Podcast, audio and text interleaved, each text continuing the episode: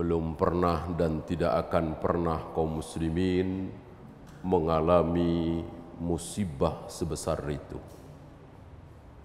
Apa? Apa musibah terbesar yang pernah menimpa kaum muslimin? Yaitu wafatnya Rasulullah sallallahu alaihi wasallam. Kata siapa? Kata Nabi sallallahu alaihi wasallam.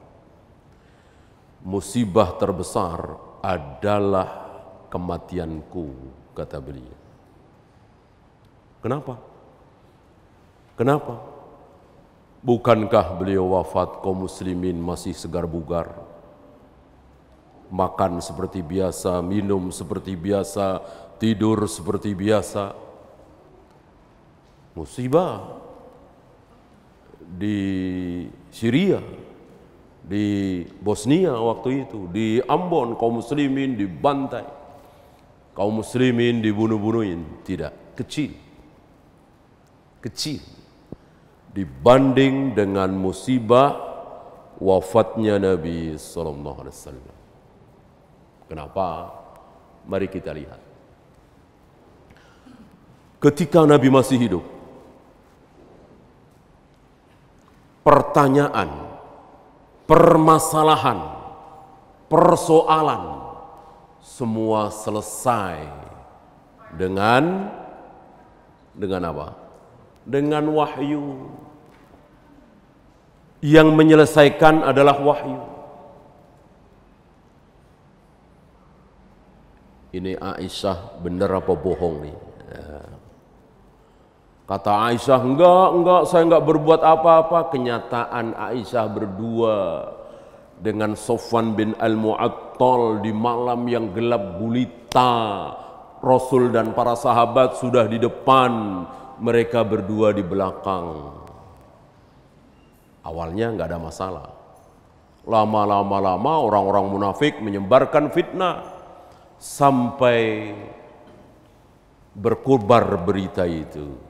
Intinya Aisyah istilah kita selingkuh ya.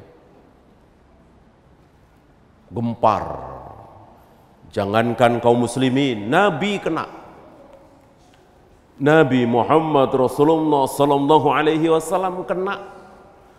Maka Aisyah dipulangkan ke orang tuanya Abu Bakar. Berarti kan beliau terkena fitnah itu. Alhamdulillah masih ada masih ada wahyu. Coba nggak ada wahyu. Barangkali sampai sekarang tuduhannya nggak selang lama turun wahyu yang menyatakan bahwa Aisyah suci, Aisyah bersih, Aisyah tidak berbuat apa-apa, bersih dari tuduhan. Selesai.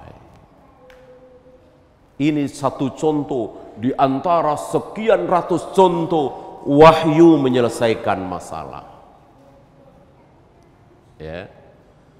Kan ucapan Abdullah bin Ubay bin Salul luar biasa.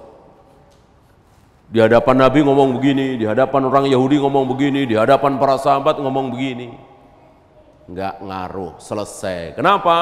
Wahyu turun menyatakan kebohongan Abdullah bin Ubay bin Salul dan seterusnya dan seterusnya. Nah, ini tidak ada lagi. Ini tinggal kenangan. Ketika apa? Ketika Nabi wafat. Enggak ada lagi begitu. Tidak ada lagi. Ini sobik ini gimana nih? Ada anak muda ngutak-ngatik wal adiyati dobha fal muriyati qadha. Ini benar apa salah nih? Ini dituruti apa ditolak nih? Enggak ada wahyu lagi. Zaman Umar itu ya. Ah, maka semua beristihad sendiri-sendiri. Yang tentu istihad bisa benar bisa salah. Enggak ada wahyu, wahyu sudah putus. Oleh karena itu beberapa hari setelah Nabi wafat eh, Abu Bakar dan Umar mendatangi seorang wanita tua, nenek-nenek yang biasa didatangi oleh Nabi sallallahu. Ada riwayat nenek-nenek tua ini dulu pernah menyusui Nabi sallallahu alaihi wasallam. berarti ibunya Nabi secara susuan. Beberapa hari setelah Nabi wafat, Abu Bakar dan Umar mengunjungi nenek-nenek tua ini. Didapati nenek-nenek tua ini sedang sedang sedang menangis. Abu Bakar dan Umar menasehati, kalau istilah kita ya, Nek, ngapain ditangisi? Jangan menangisi Rasulullah. Keadaan beliau sekarang ini lebih nikmat, lebih lezat, lebih enak daripada waktu beliau masih hidup dulu. Beliau sekarang di sisi Allah, nggak ada cap capek, nggak ada lelah, nggak ada cacian, nggak ada makian. Justru beliau mendapatkan apa hasil dari apa yang beliau uh, amalkan selama ini ngapain ditangisi ini Abu Bakar dan Umar menasihati apa kata si nenek-nenek ini Aku menangis bukan karena itu. Aku tahu Rasul sekarang lebih nikmat, lebih lezat daripada dulu ketika masih hidup. Aku tahu itu. Aku nangis bukan karena itu. Aku nangis karena in al wahyu. Aku menangis karena wahyu sudah sudah putus, nggak ada wahyu lagi. Jibril tidak akan turun lagi di muka bumi. Kita tidak mungkin lagi menyaksikan Jibril ngobrol dengan Nabi, meletakkan dengkulnya ke dengkul Nabi, meletakkan tangannya di paha Nabi, bertanya kepada Nabi, dijawab oleh Nabi. Kita semua menyaksikan. Walaupun belum tahu kalau itu Jibril tahu belakangan. Ini tidak ada lagi, tinggal kenangan. Kalau kita ada permasalahan, ada persoalan, nggak mungkin Allah akan menjawab lewat Jibril karena wahyu sudah putus. Tidak mungkin ada wahyu lagi ketika Nabi wafat.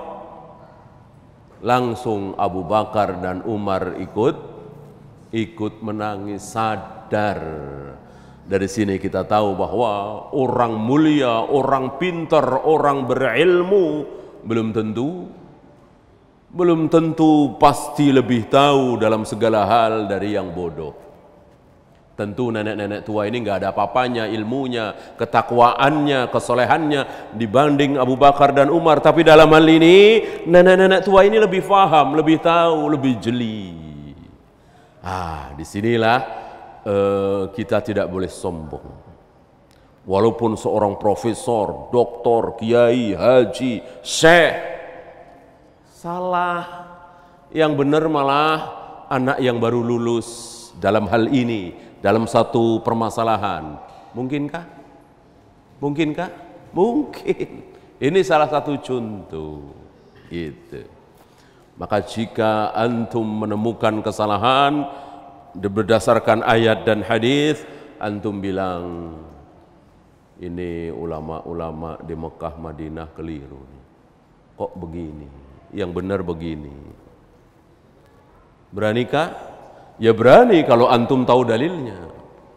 Kalau antum tahu ayatnya tahu hadisnya. Karena kebenaran itu milik Allah dan Rasulnya bukan milik Mekah, bukan milik Madinah, bukan milik Saudi, bukan milik Imam Syafi'i, bukan milik Imam Bukhari, tapi milik Allah dan Rasulnya. Ya, ini salah satu contoh.